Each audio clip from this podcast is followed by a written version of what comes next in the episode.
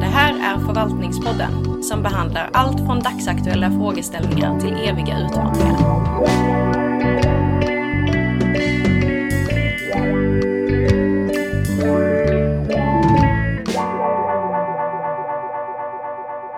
Då hälsar vi välkomna till ett nytt avsnitt av Förvaltningshögskolans poddradio. Som den här gången är lite extra spännande för vi ska prata om tillsyn.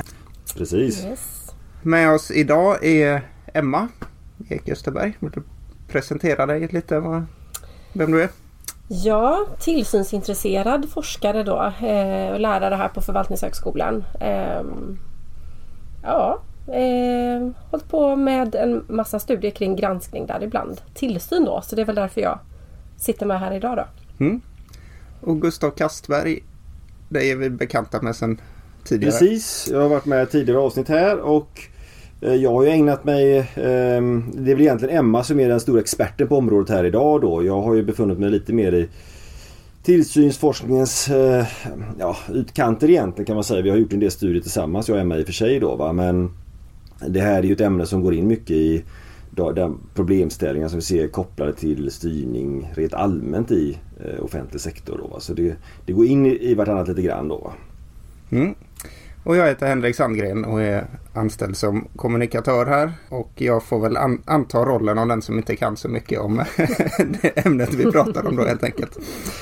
Men vi kan ju börja med att fråga tillsyn. Vad, vad är det för något egentligen? Och vad är skillnaden mellan tillsyn och granskning och sådär? Är... Ja men vi, eh, ja det är inte alldeles enkelt att eh, eller de där orden används på lite olika sätt men så som vi ofta eh, tänker kring det så ser vi väl tillsyn som en granskningsform bland flera.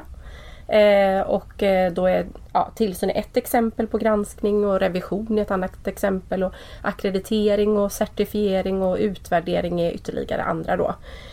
Eh, och tillsyn då, det som är specifikt för det som granskningsform då det är ju att det är en, grans alltså det är, en, det är statligt och det handlar om att kontrollera följsamheten mot eh, lagstiftning och andra bindande föreskrifter helt enkelt. Eh, så så skulle man väl väldigt enkelt kunna ja, definiera det då.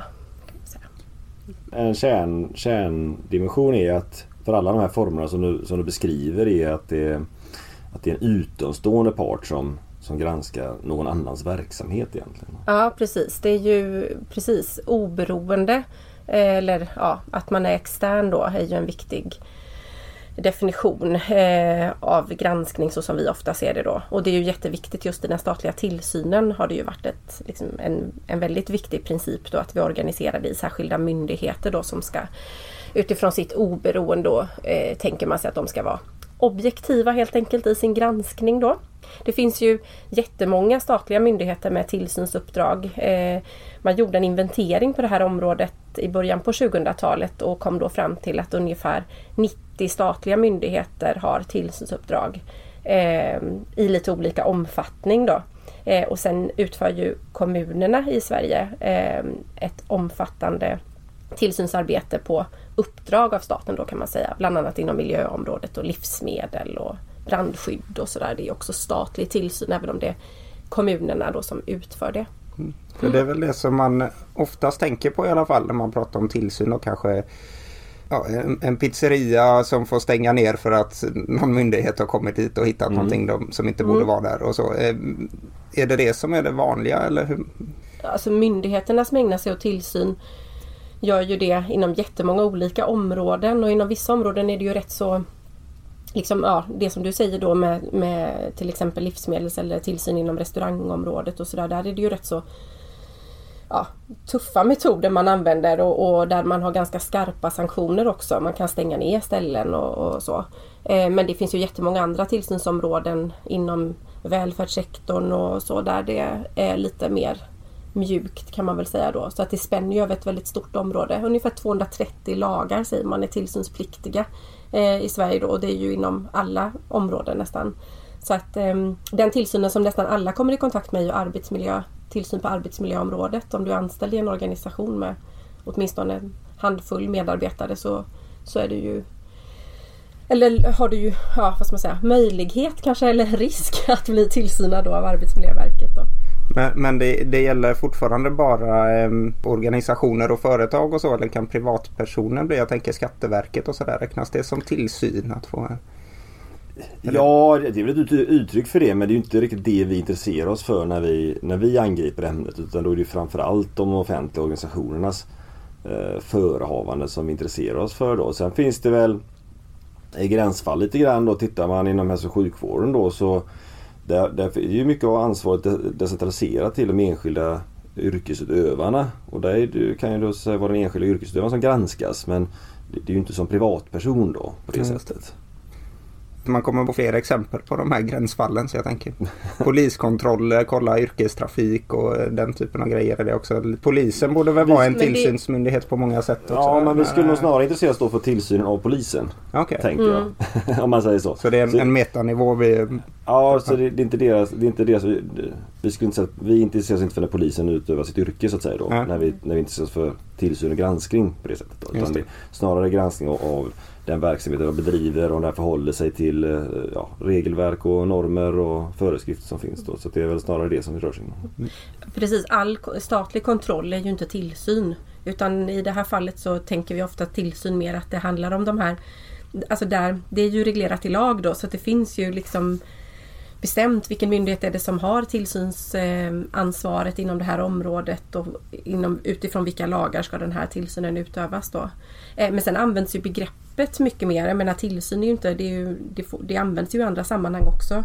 I kontraktstyrningslist, alltså när man pratar kontrakt och uppföljning av kontrakt och så, så används ju ibland tillsyn som en, som en benämning för den kontrollen man gör. Men, men då är det inte då är det kanske inte statlig tillsyn så som vi har diskuterat den här då utan då är det en annan betydelse av ordet helt enkelt. Så att mm. eh, eh, ja, så skulle man nog kunna säga. Om man går tillbaks till början. Jag läste nu, eh, det var nog till och med någonting som du hade skrivit Emma. Ehm, men där det stod bara nämnt då att eh, vi har hållit på med tillsyn i Sverige sedan 1500-talet mm. tror jag. Mm. Eh, hur, hur kom det sig att man började med det och varför jag tänker kanske kan vara en bra ände att veta varför man ska hålla på med det här från första början. Ja, men, ja, det vågar jag nog inte riktigt svara på men, men eh, från, alltså från början var det ju, det var ju liksom, man har ju tänkt, man tänker att det handlar ju väldigt i hög utsträckning om statens kontroll i landet liksom och eh, då var det ju kungens fogdar liksom man hade ute i, i landets olika ja, i olika delar av landet man skulle kontrollera så att man så att säga gjorde det man var skyldig att göra. Sen har ju det där utvecklats men det är väl framförallt i, liksom, i utbyggnaden av välfärdsstaten som det också expanderade ännu mer då. Och så ser vi inom, inom de stora områdena, inom de stora välfärdsområdena som inom skolan till exempel eller hälso och sjukvården som Gustav nämnde. Eller omsorgen och sådär där ju tillsynen har liksom expanderat ganska kraftigt då i, i, också i takt med att med decentralisering och ökad privatisering och så, så ser man ju ett ökat behov av eh, kontroll då. Att verkligen medborgarna får den, den eh, ja, vad ska man säga, service som man har rätt till då utifrån lagstiftningen. Så det är någon form av önskemål om att hålla koll helt enkelt. Mm. Det var ju egentligen lite min, min nästa fråga där för det har väl ökat ganska mycket på eh, senare år vad jag har förstått. Eh. Ja det har det väl gjort eh, Emma nämnde det här mängden så myndigheter som har tillsynsuppdrag eh, på olika sätt. Och vad du kunde lagt till tror jag väl är väl att sen dess har det ju expanderat och tillkommit flera mm. då. Flera myndigheter som har mer renodlade eh, inspektionsuppdrag så att, och tillsynsuppdrag. Eh, som ju också speglar att, att man har givit eh, tillsynen en annan roll. En mycket mer central roll i styrningen. Skulle jag vilja påstå. Mm. Um, men om, man, om, man, om vi backar tillbaka till historiebeskrivningen lite grann då och, och raskar på från 1600-talet till lite mer nutid då så är väl en bok som är värd att nämna är väl Audit Society av, av Michael Power då. Mm.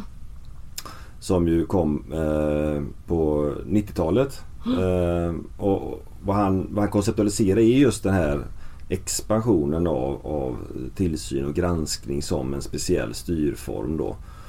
Um, och det finns väl olika skäl till att det har expanderat. Uh, och här är det väl svårt att så belägga kausaliteten då men, men någonstans så handlar det väl om att vi har ju under ett antal decennier ägnat oss åt att decentralisera mycket inom offentlig sektor. Ehm, skjutit ut ansvar. I skolan så har ju skolan gått från att vara statlig till att bli kommunal till exempel. Vi har ju infört, om vi fortsätter skolans område, så har vi infört eh, så valfrihet, alltså öppnat upp för externa aktörer, företag, friskolor av olika slag de med andra huvudmän. Um, och, och, sammantaget så skapar det också någon slags behov givetvis av att, att vad händer med de här verksamheterna? Det är fortfarande skattefinansierad verksamhet då. Va? Det finns fortfarande ett offentligt ansvarstagande då. Uh, så att en, en historiebeskrivning är väl att, att det här har ökat som en, en konsekvens av den ökade decentraliseringen eh, i samhället. Jag vet inte om du håller med om det Emma? Jo, men det tror jag absolut och det skrivs ju också in i många, ut, alltså i många statliga utredningar till exempel där man resonerar om olika granskningsformer, bland annat tillsyn, så lyfts ju det som en viktig förklaring till varför det här behövs och varför vi ska lägga mer tryck på det. Eh, och just som, ja, och betydelsen då i någon slags övergripande styrningstanke då. Eh, eftersom en del med decentralisering tappar man ju också en del andra eh, möjligheter att styra då. Så visst, det håller jag absolut med om. Men det är ju intressant i sig när det gäller all den här granskningen och granskningsexpansionen. Det är också en fråga om vad vi Ja men att vi plötsligt också riktar mer uppmärksamhet mot det då och kanske pratar om det som ett samlat eh, som, en, som en samlad styrform eller vad man ska säga. Och på tillsynsområdet var ju det, har ju det varit väldigt tydligt då att det, det, där, det här är ju en granskningsform som jämför till exempel med revision då. Det här har ju utvecklats inom respektive politikområde kan man säga. Så att inom skolan så har ju Skolinspektionen liksom varit en del av själva skolpolitiken och styrningen inom skolan och på samma sätt har det varit inom äldreomsorg och inom transport och inom miljö och så. Så det har ju diskuterats mycket då. Det ser ju olika ut inom de här olika sektorerna och det finns inte en eh, det finns inte en tillsynslag även om man har diskuterat det och så. Så att det, eh, det var ju liksom en viktig i samband med den här boken som Gustav nämnde som kom på 90-talet, och man började prata mycket om granskning, så var det också något man lyfte upp mycket här att är det inte ett problem att tillsynen är så spretig och så, borde vi inte samla ihop den? Och prata om den mer som ett sammanhållet förvaltningspolitiskt instrument och så. Då kom ju den här tillsynsutredningen då i början på 2000-talet och det var ju en sån viktig uppgift då för den att försöka på något sätt bestämma vad är egentligen tillsyn? Hur ska vi avgränsa det mot andra granskningsformer och vad är målet med tillsyn i liksom den offentliga styrningen då. Eh, så att hela den utredningen var ju också en del i den här ambitionen att ja, men både renodla granskningsinstrumentet och liksom, ja, lyfta fram betydelsen av den då. Så det är... vad, eh, vad kom man fram till då? Ja men man kom ju fram till, det var väl inga jätteskarpa förslag som, som egentligen som resulterade eh, ut, från den utredningen men, men den fick ändå väldigt stort genomslag på många inom tillsynsområdet och i den, på många tillsynsmyndigheter då. Framför den viktigaste grejen där som ju jag och Gustav har hållit på lite grann med kring liksom utvecklingen av tillsynen. Det var ju den här ehm, eh, liksom det var ju viljan att, att renodla tillsynen till att handla om kontroll och att betona liksom de kontrollerande inslagen i tillsyn. Och då fanns det ju liksom en kritik mot att det här var ett alldeles för vagt och diffust styrinstrument som hade liksom sett för olika ut inom olika områden men också varit lite för tandlöst. Eh, och då ville man skärpa upp tillsynen och eh, kan man säga säga att jo, men tillsyn ska handla om kontroll av regelefterlevnad och det ska vara eh, ja, lite mer eh, avgränsat till de här kontrollerande delarna och att det här som handlade mer om utveckling främjande och lite mer åt det rådgivande hållet. Det skulle väl möjligen de här myndigheterna kunna fortsätta ägna sig åt men det skulle vi inte kalla tillsyn. Så gick diskussionen mycket där då.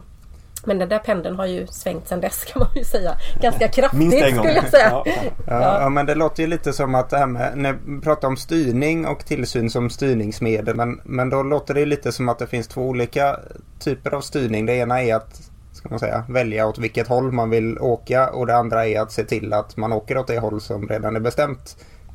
Ja, eh, Alltså man kan väl säga att all granskning, Gustav sa ju det inledningsvis också med definitionen av granskning. I någon mening så handlar ju all granskning om att någon form av efterhandskontroll ändå. Så att det är väl ändå liksom en en viktig del av granskning som styrning att man på något sätt bedömer olika verksamheter eh, från en massa olika håll och kanter. Då.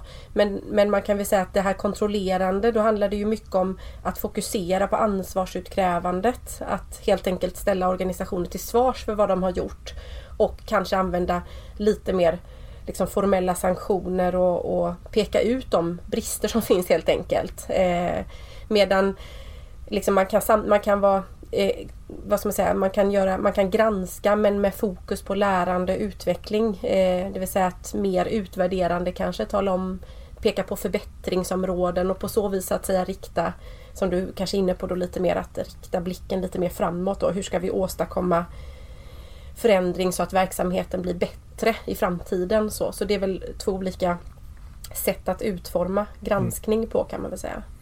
Det känns ju som att man oundvikligen, vad man än pratar om inom offentlig förvaltning så kommer man ju oundvikligen in på det här med New Public Management. ja, precis. Eh, men är, är det det som kan vara lite grunden? Jag har varit inne på det här med decentralisering men det är ju massa andra reformer som innefattas i, i det också då. Eh, men i princip att, att eh, myndigheter och så ska vara mer fria att göra så som de själva tycker är det bästa sättet att lösa problemet och då istället för att följa en massa strikta regler då blir det väl kanske oundvikligen så att man måste ha mer tillsyn, eller? Ja, men det var lite grann det jag försökte beskriva, tror jag då att, att, att med den här decentraliseringen så, så, så, kommer ju, så måste vi ha andra sätt att följa upp och, och, och garantera det för medborgarna, klienterna, brukarna att de får den service de ska ha på, och att det sker på rätt sätt. Då. Så det är väl en, en viktig dimension av det och sen Ja, det här, det här är väl definitivt en del av New Public Management-trenden givetvis. Eh, en central komponent utom decentralisering har ju varit det vi kallar då en slags output-styrning eller fokus på vad som produceras, alltså vad som kommer ut av verksamheten istället för som man hade tidigare då en stark fokus på vad man stoppade in i verksamheten i form av eh, kompetens eh, men också då processstyrning då i form av regler och sånt. Så att New Public Management innebar ju att vi, vi skiftade fokus mycket mer till vad är det som egentligen kommer ut av den här verksamheten då. Och, och, och där, där, där är väl här reaktion mot att det kanske gick lite för långt då. Att det räcker inte bara att titta på resultatet. Utan vi måste också titta på vad, vad som händer i verksamheten och hur bedrivs den här verksamheten då. Så att på något vis så är ju eh, tillsyn är ju så knuten till processen i verksamheten. På något sätt. Som, som, och det är väl en reaktion då kanske på det här med New Public Management. Då. Men sen får man vara försiktig. Jag vet inte mycket tjäna på att kalla allting för New Public Management då. Men, men det, det är kopplat till den trenden på något sätt. Ja absolut. men det man ska komma ihåg, alltså det har ju också helt att göra med sättet vi reglerar på då. För tillsynen kan ju liksom aldrig riktigt gå bortom regleringen. Eh, så på så vis blir det ju, alltså i den mån vi formulerar, har vi, formulerar vi regler som är Ja, men har vi ramlagsreglerad verksamhet eller vi formulerar mål till exempel i, i, eh, i regelverken, då är det ju det vi tillsynar mot. För det i, i, till, i den statliga tillsynen så utgör ju liksom lagstiftningen och föreskrifterna och så den måttstocken som vi bedömer verksamheten mot. Sen finns det ju andra granskningsformer som vi kan använda parallellt förstås där vi kan använda andra måttstockar då och så. så att, eh, som revisionen, då kan vi ju granska ja, effektivitet och annat utifrån andra eh, utgångspunkter då. Men här har vi ju hela tiden lagstiftningen. Och ibland så, precis som Gustav sa tidigare där, att, att det är för att man ska försäkra sig om att man får det man har rätt till, man ska säga. Och tillsyn beskrivs ibland som någon slags implementeringsgaranti eller ja, att det ska handla om att vi, ska, vi kan inte lita på att, den, att människor, organisationer, verksamheter lever upp till lagstiftning. Vi måste ha en extra koll på att de verkligen gör det. Och det är klart att i takt med att vi tappar andra, eh, om man upplever att man har gjort det, tappat andra eh, möjligheter att styra och kontrollera så blir detta ett alternativ då som rimmar ganska väl med eh, målresultatstyrningen till exempel där det här liksom görs möjligt. Då. Jag tänker det måste ju vara mycket, mycket svårare att göra tillsyn om man eh, nu, nu tänker jag ju väldigt, väldigt förenklat här men förr i tiden när man hade regelstyrning då var det i princip att man var tvungen att följa ett antal algoritmer mm. och det är ju ganska lätt att kolla liksom på varje punkt då kanske. Mm. Liksom, här följer de det, här gör de inte. Mm. Eh, det måste ju finnas en uppsjö av andra saker som man måste kontrollera nu på något annat sätt då. Men, Ja men det, det där ser ju också så himla olika ut beroende på hur, hur eh, regelverken ser ut inom de här olika områdena. Det finns ju fortfarande ganska Alltså det finns ju fortfarande områden som är tillsynspliktiga där vi har en ganska detaljerad eh, lagstiftning till exempel. Och där det inte är sådär jättekomplicerat kanske att kolla om man följer det eller inte. Eh, och så finns det områden där man har en väldigt mycket vidare eh, utgångspunkt för sin granskning och det är klart att den frågan är ju väldigt central inom inom tillsynsområdet då. Alltså vilka områden väljer vi att granska till exempel? Finns det ju en diskussion om att vi drar mot att granska det som är lite lätt, mer lättgranskat då. Givet att de här myndigheterna och de enskilda inspektörerna måste göra prioriteringar inom ramen för sitt uppdrag. Det är klart att om du har väldigt svårgranskade delar av ditt eh, uppdrag och du har andra saker som är lite lättare att komma åt och så, vad får det för konsekvenser? Men det är klart att i det är ju inte så att inspektörerna, alldeles oavsett vilket område de tillhör, att de liksom kan traska ut där i den offentliga sektorn och liksom plocka med sig eh, färdiga liksom tillsynsobjekt och sätta sig och börja jämföra. Utan de måste ju på något sätt samla in en massa information om det de ska granska och så måste de ju operationalisera regelverket i nästan alla situationer. Då. Så det är ju det som är liksom utmaningen i själva liksom det här i yrkesutövandet också, av tillsyn och det som gör det spännande då. Alltså hur går det till när man översätter det här regelverket så att man gör det granskningsbart ska jag säga. Och vilken typ av information om det som granskas, om den granskade verksamheten samlas egentligen in. Alltså hur åstadkommer vi bedömning i de här enskilda fallen då? Eh, det är ju väldigt, eh, en väldigt eh, viktig fråga då.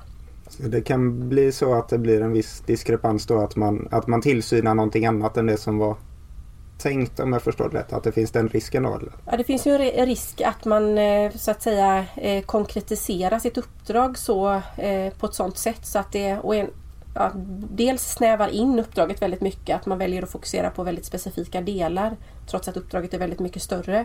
Alternativt att man helt enkelt konkretisera det på ett sådant sätt så att man i slutändan skjuter bredvid mål. Att den granskning man man genomför kommer liksom inte riktigt få någon konsekvens för måluppfyllelsen i slutändan ändå för man är nere och petar i detaljer som saknar betydelse men som är svåra att...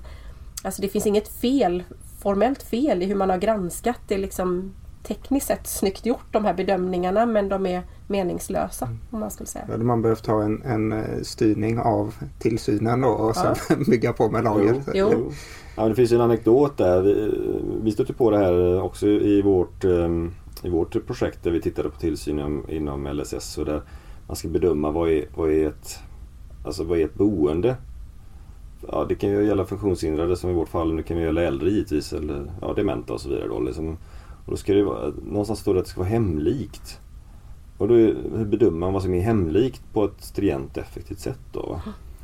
Då var det en kollega som berättade en anekdot att då hade man ju kommit fram till att, att ja, men om man har en brevlåda, det har man ju på hemmet då. Så då fick det då liksom bli signifikant för om det var ett hemligt boende eller inte, om det fanns en brevlåda. Det är väl ett, mm. inte ens sant. Men eh, det, det, det, illustrerar det här att, att ja, men, när vi ska ta något som är ganska svårpåtagligt, det är svårt att alltså, eh, så att säga, värdera och, och, och kanske framförallt då i nästa steg då sammanfatta det här i en rapport, de här sakerna. Då måste vi skjuta in oss på något som är mer konkret. Och, och, då, och där uppstår någon slags problematik då som det givetvis inte egentligen finns någon riktig lösning på då. Eh, men där, det ligger i farans riktning att man skjuter in sig på det som är, som är mätbart helt enkelt. Då, Och så låter man andra eh, dimensioner av verksamheten vara. Och det kan väl det där kan väl leda till två olika saker då. Det ena är ju givetvis att verksamheten satsar väldigt mycket på just det som granskas.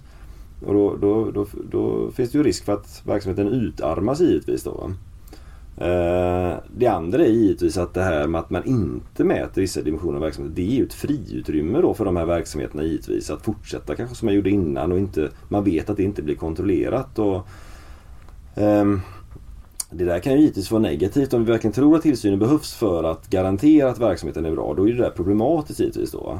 Men då finns det väl de som ska argumentera för att den här verksamheten bedrivs ju ofta av, av välutbildade människor som, som eh, brinner för att skapa en bra verksamhet. Och, um, och att då får vi helt enkelt förlita oss på att de ändå gör det som ska göras på ett bra sätt. Och det här friutrymmet blir ett sätt för dem att kunna bedriva en bra verksamhet då. Inte på grund av, eh, utan så trots tillsynen då. Så där finns väl det finns en massa olika dimensioner av det där med mätning och vilka effekter det får då. Va? Och där, där, där, vet vi inte riktigt, eller vi kan inte sätta ner foten på och normativt och säga att det här fungerar bra eller dåligt. Utan vi kan bara se och notera att det har ganska olika effekter va? och att det, det sker på mm. ganska olika sätt. Ja precis, Nej, men det finns ju, jätte, det finns ju hur många sådana exempel som helst på där man har försökt och där man försöker göra de här företeelserna granskningsbara på något slags eh, okej okay vis. Då. Ehm, ett annat exempel ifrån när, när, när jag mm, som studerade tillsyn inom skolan så var ju också när man tittar på statistik över vad skolor får kritik för och sådär eh, i den statliga tillsynen då, den regelbundna tillsynen som ju är ett väldigt brett tillsyns ja, en väldigt liksom bred tillsynsansats som Skolinspektionen har på alla skolor i landet då som, eller kommuner i landet då som får det ja, säg vart, vart femte, vart sjätte, vart sjunde år kanske. Eh, man går igenom hela skolverksamheten och tittar man då på, på vad är det skolor får kritik för så är det väldigt tydligt då till exempel att Ja men de får ju väldigt ofta kritik för sin likabehandlingsplan till exempel. Det är klart man kan fundera lite grann på när man tittar på den statistiken vad det beror på att vissa saker kritiseras mer ofta än andra. Då. Det kan ju vara så att det området är ett område där skolor verkligen behöver jobba mer och att det är ja, men helt enkelt bristfällig verksamhet inom det området. Men det är ju också väldigt lätt att tänka att en del områden är ganska lätta för Skolinspektionen att kritisera.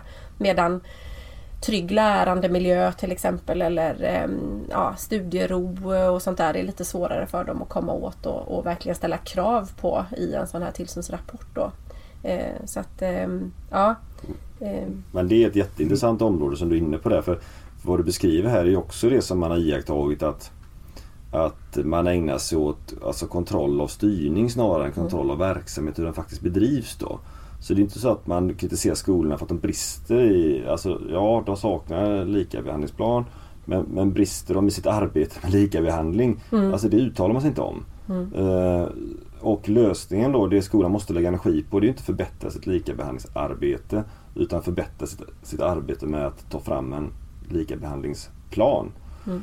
Um, och det, där, det ser vi inom område efter område då att när sådana större granskningar sker eller när man ska, ska arbeta med det så skjuter man väldigt ofta in sig på, eh, inte hur behandlas den äldre på boendet utan finns det en plan för den äldre på boendet. Mm. En individuell plan då va. Eh, och I skolan pratar man om individuell studieplan och där det återkommer i område efter mm. område att man skjuter in sig på det här.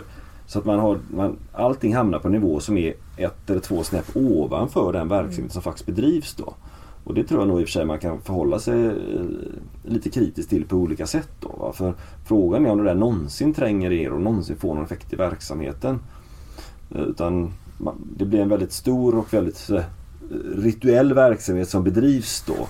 Och, och som verkligen inte kommer brukarna eller medborgarna till gagn. Mm. Nej, det var ju bara, jag, jag bara tänkte på den, den, det problemet var ju också, det var ju en av de sakerna vi lyfte fram i vår studie där som kring, kring LSS, alltså i, i takt med att, med att um, tillsynen också blir mer kontrollerande och mer inriktad mot då, med sanktioner och, och, att man ska liksom vara lite tuff som tillsynsmyndighet. Det, då är ju också eh, risken då att det blir ja, färre svårgranskade områden man vågar ge sig på om kraven är att man faktiskt ska kunna ställa ganska eh, skarpa krav då i slutändan. Och, och, det är klart att då behöver man ha väldigt eh, ja, starka bevis helt enkelt för att man verkligen kan ställa de kraven man ställer och då finns ju en ännu större risk då att, att, eh, att man kanske fokuserar på sådana områden som är ja, där det finns liksom gott om dokumentation och där man verkligen kan peka på att här, här har vi bevis för att det brister. Eh, medan andra områden kanske då faller, eh, ja, försvinner bort i granskningen helt enkelt. Så det är ju något man har pratat mycket om nu då i, som jag sa tidigare, att pendeln svänger och det har varit en sak som man har kritiserat mycket att vi kan inte hålla på och ägna oss åt så här kontrollorienterad tillsyn säger man nu då, eh, eller har sagt sedan en tid tillbaka, utan vi borde verkligen ja, dels borde vi lita lite mer på professionen men vi borde också liksom ägna oss åt att eh, främja utveckling och lärande och inte vara så snäva i vår granskning och våga ge oss på de här lite mer svårgranskade områdena för att inte tappa i relevans och väsentlighet då utan att eh, eh utan att det är det som är det viktiga ur ett eh, måluppfyllelseperspektiv då. Om nu tillsynen ska liksom ge någon effekt på det så. Hur, hur gör man det rent praktiskt? Det måste vara svårt att Ja, nej, men nu har det ju varit lite försöksverksamheter igång. Man pratar om tillitsbaserad tillsyn då, inte bara tillitsbaserad mm. styrning utan också tillsynen ska vara tillitsbaserad vilket är en tankevurpa såklart med tanke på att tillsyn per definition är misstroendebaserad kan man väl säga då. Men, men det handlar ju väldigt mycket om att, eh, om att Alltså, jag skulle säga att det, där, det låter nog som en större förändring än vad det är i praktiken. Det vi har sett handlar väl om att skruva lite en del i metoderna och att återföringsmetoder, att kanske hitta andra sätt att, att kommunicera granskningsresultat och, eh, och sådär. Eh, det har varit mycket fokus på att man ska fatta konkreta beslut med förelägganden och gärna koppla på sanktioner och så. Så går inte riktigt snacket nu utan kanske snarare hur ser vi till att få spridning på våra tillsynsresultat så att vi når en bredare publik så att också de som kanske inte varit granskade specifikt kan ta del av den här kunskapen som kommer ut ur en granskning och sådär.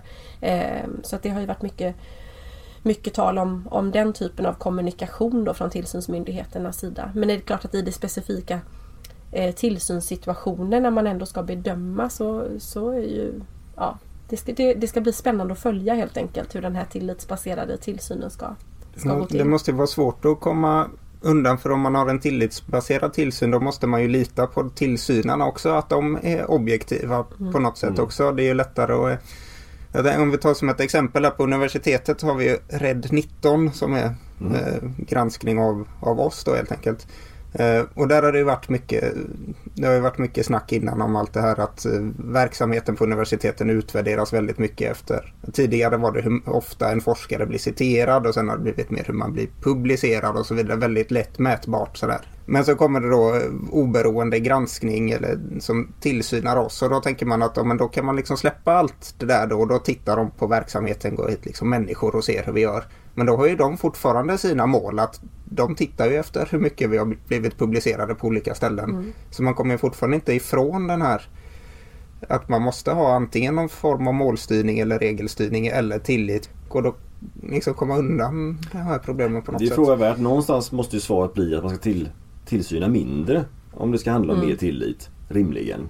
Uh, in, inte bara att man helt enkelt ska förändra den här mm. formen för tillit utan någonstans får man dra tillbaka trupperna lite grann och, och kanske omallokera de här resurserna till eh, ja, sånt som går ner i verksamheten istället på något sätt. Då, om det finns någon relation då mellan tillsynens budget och de här verksamheter som bedriver den, vilket vi oftast inte gör då. Men alltså, tankesättet får ju ändras lite grann då, att vi kan inte bara granska mer och mer eller, eller, eller förändra den här ganska väl utbyggda. Eh, alltså det här, vi måste helt enkelt kanske då satsa mindre resurser på detta och, och ha ett annat fokus. Och svaret på om man ska skapa hö, alltså högre tillit ehm, det är väl rimligen att, att man säger, satsar på inputsidan i den här verksamheten. Vad är det för människor som jobbar med den här verksamheten? Vad har de för utbildning?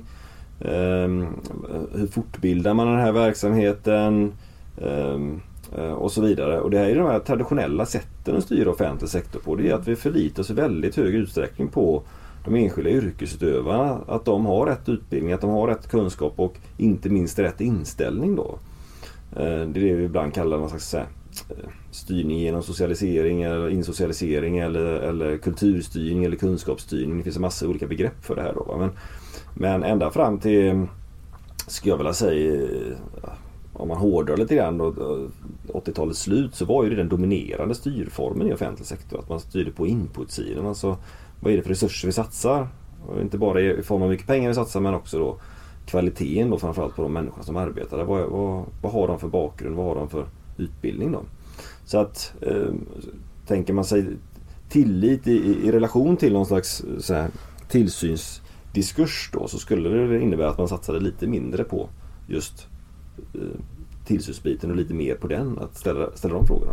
Den frågan blir också extra intressant med tanke på hur man har organiserat. Det, det har blivit vanligare och vanligare att lyfta ut eh, tillsynsuppdraget och skapa renodlade tillsynsmyndigheter.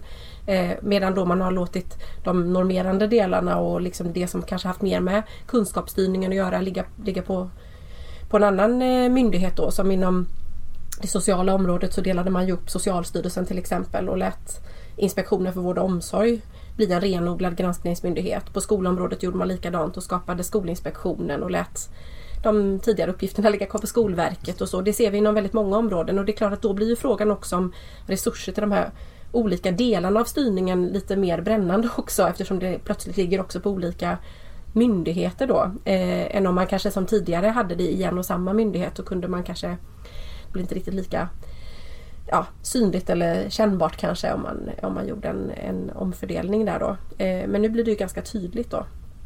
Mm. Eh, men jag tänkte på det du sa innan också med, med tillit, alltså att man måste ha tillit till de här myndigheterna också och så är det ju verkligen att hela det här systemet bygger lite grann på att att du förskjuter lite grann tilltron till någon. Om du inte kan lita på verksamheten så tänker vi oss precis som du är inne på då att vi kan lita på granskarna lite grann. Eh, och det är klart att så finns det ju granskning av granskningen också. Eh, och jag menar någonstans, så, någonstans så, så, tar det ju slut eller vad man ska säga. Man kan inte, eh, vi kan inte hålla på eh, ja, någonstans får vi lita på, om inte annat till systemet som helhet då. Eh, nu sitter jag som referensperson i en granskning som Riksrevisionen gör. Eh, och det är en intressant granskning för då är det Riksrevisionen som granskar Skolinspektionens egenkontroll av eh, sin egen tillsyn då. Så det är ju ganska många steg av granskning i den här, eh, i den här kedjan då. Där Riksrevisionen helt enkelt ska kolla om Skolinspektionen själva följer upp sin egna granskning av de här skolverksamheterna på ett vettigt vis då. Och det är klart att det, ju fler sådana där, varje steg det är ju det är resurser också i de här stegen då som, som ska till för att vi ska känna oss trygga. Vi befinner oss några steg ifrån eleven då? Ja, man kan säga att vi befinner oss några steg ifrån eleven. Ja. Ja, och så är problemet då att man lägger... Eh, jag antar att det är det som folk ofta är, gnäller på kring offentlig sektor. Det är väl just det att man lägger ner resurser och så tycker man att det, skollunchen blir inte bättre för det och sådär. Ja så kan man säkert mm. säga och samtidigt så är ju folk väldigt snabba på att kritisera när det väl, när det väl händer någonting. Eh, och det blir synligt att, att någon, in, alltså när någon inte har haft koll då eller vad man ska säga så är vi också ganska snabba där på att, på att, eh, på att kritisera att någon inte det är, har varit där. Och det är också det första man gör om det är någon typ av skandal eller någonting mm. som upptaget. Om man, om man tar en, en, annan extern granskning i form av grävande journalistik som blir mer ovanligt mm. kan man tycka men, men det förekommer fortfarande. Eh, det första man gör är ju alltid att säga ja men vi tillsätter en utredning. Det är ju det kortet man har att spela i princip. Det är inte så mycket annat kanske man kan göra. Mm. det har ju beskrivits också som en sån här comfort maker eller vad de använder för begrepp de här Alltså att tillsynen är skapar mm. liksom den här bufferten för politiker och beslutsfattare. Mm. Att, att, att det, det, finns någon att peka på när det kommer till ansvarsutkrävande då. Att, mm. ja men titta här, vi har en tillsyn då va? och det är klart att de kanske missar någonting men det är ju knappast mitt fel. Um, så att, att det får den, den sortens funktion då i, på, på gott och ont jag säga. Uh, men, men men visst, det här är ju en, det, är en stor aktivitet som sker och, och mycket resurser som går till detta men i, i mångt och mycket flyger under radarn för den enskilde medborgaren annat än som Emma säger när, när vi är missnöjda och, och, och kräver och, och, pekar ut fel. Då, då, då, då, är det behagligt att ha den här tillsynen. Då. Att vända sig till kanske i Skolinspektionen. Då. Jag satt i deras väntrum en gång och väntade på eh, jag skulle vara med på en utbildningsinsats där. Då. Uh, och det var hela tiden ringde telefonen och så jaha du vill med allmänt ärende och så jaha du vill med allmänt ärende så att det är liksom Det sker enorma mängder sådana här saker och det, det där bottnar ju också i att, att Alltså jag, jag passerar genom hela grundskolan och gymnasieskolan uh, utan att höra talas om ett enda, en enda anmälning av någonting överhuvudtaget. Uh, nu när man själv har barn i skolan så det sker ju anmälningar hela tiden av en det ena en det andra. Både av elever kanske färre sådana när de är i den åldern för då är det föräldrarna som gör det. Men det är också skolan själva som initierar ärenden som, är av den här någon slags anmälningskaraktär då. Va? Mm. Som ska behandlas då. Så att det, det, här är ju en del i en sån trend då som, som är ganska tydlig då. Att vi, vi har ju någon slags helt annan position i förhållande till välfärdsstaten. Eh, jämfört med för två, tre decennier sedan då. Och det, det återspeglar liksom, eh, det har väl skapat det är väl ett, ett, ett tvåvägsförhållande. Alltså det, det, skapar en juridifiering av vår relation till välfärdsstaten. Men, men juridifiering i sig skapar också den sortens mentalitet. Va? Så att det där är givetvis komplext och, och eh, här, nästa i de här sambanden på, på, på olika sätt. Då, men, men, helt klart så är det en väldigt förändrad bild av hur det var förr. Då, och frågan är ju hur man kan och, och vill man backa överhuvudtaget. Det är ju också en fråga det här med att vi blir lite mer kunder också i relation till tillsynsmyndigheterna. Det diskuteras ju också mycket. Liksom hur, det är ju ett förändrad, det är en förändrad roll för dem också. Mm. Det blir ju en lite, det blir självprioriterande då att det blir anmälningsärenden som man lägger mycket tid och resurser på att utreda och samtidigt som det finns en idé om att tillsynsmyndigheterna utifrån sin specifika kunskap och kompetens också ska kunna prioritera granskningar som är viktiga för ett, liksom ett verksamhetsområde Eh, utifrån att man tycker att det är viktigt att bevaka vissa områden då. Så att de här, man, ibland skiljer man på individtillsyn och verksamhetstillsyn och då brukar man säga att den här individtillsynen liksom sväljer ju allt mer resurser då. Så att det blir mindre och mindre utrymme för verksamhetstillsyn. Och inom till exempel Inspektionen för vård och omsorg har den där har det där varit väldigt, väldigt tydligt då eh, genom ja, Lex Ara och Lex Maria och alla de här systemen eh, och de här kraven som kom på ja, till exempel ja, det finns specifika krav på att man ska granska eh, ja, olika typer av verksamheter mm, liksom i en, vissa intervall och sådär. Så att eh, det är klart att då, då försvinner ju en av de möjligheterna som tillsynsmyndigheterna har att faktiskt göra avvägningar och fatta beslut om sånt som är viktigt för alla medborgare då, inte bara de som kanske ropar högst i systemen. Ja, det börjar bli dags att, runda av lite här. Jag tänker en, eh, precis som förra gången, ställa en helt oförberedd fråga som kan vara svår att svara på. Om ni följer liksom trenden hur det ser ut nu, hur tror ni att det kommer att se ut om, säg, 20 år på tillsynsfronten? Oj, oj, oj. Åt vilket håll kommer det att gå? Har vi någon tillsyn kvar? Men gissningsvis så har det väl hunnit svänga i flera omgångar fram, fram och tillbaka efter det. Ja, jag tror absolut att tillsynen kommer finnas kvar eftersom jag tror att det kommer finnas eh, jag menar, vi kommer inte ta bort Ja, det kommer finnas en stat och det kommer finnas eh, liksom, områden där vi behöver eller behöver, där vi har en vilja att hålla koll så nog kommer det finnas kvar. Men precis som hur, hur den kommer liksom definieras, hur den kommer avgränsas mot andra granskningsformer det är ju väldigt, väldigt svårt att uttala sig om. Um, men jag tror den kommer vara fortsatt, ha fortsatt betydelse mm. i, i uh, offentlig sektor? Ja, det är jättesvårt att sia om då men allting går ju i någon slags pendelrörelse då så att då, får, alltså då, då tänker jag mig att om 20 år så har vi Då har vi lite mindre tillsyn igen. Då har de svängt den stora pendeln då va. Men sen Sen verkar det ju på, alltså på väldigt kort tid så, så verkar det ju pendla mellan det här med skarp tillsyn, mm. främjande tillsyn och det där är ju mycket kortare intervall då. Va? Så mm. att, var den pendeln står just då är väldigt svårt att uttala sig om då givetvis. Mm. Men, men, men någonstans så, så kan vi ju inte, vi kan inte övergå till att bara granska. Så att det här, mm.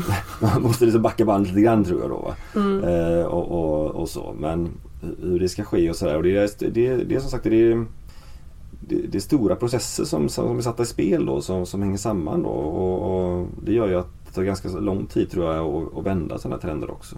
En trend som diskuteras mycket som man kan fundera på sen som jag sa tidigare så har ju tillsynen utvecklats inom respektive sektor eller politikområde och det har också betydit att, eh, att eh, många tillsynare har haft sin profession, ursprungsprofession inom den, det området som de granskar.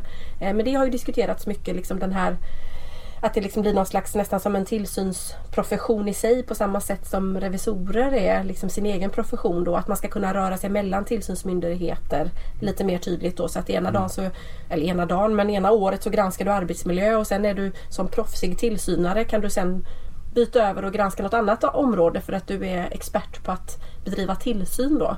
Eh, och det är ju en sån eh, förändring som man möjligen skulle kunna tänka sig att det förstärks ytterligare då. Eller så går det åt helt andra hållet. Vi får, vi får lyssna på det här om 20 år. Ja, vi får se. se. Ja. Kanske vi har kandidatprogram i tillsyn. Och ja, vem vet. ja, men med det tackar vi för den här gången. Mm, tack, tack så mycket.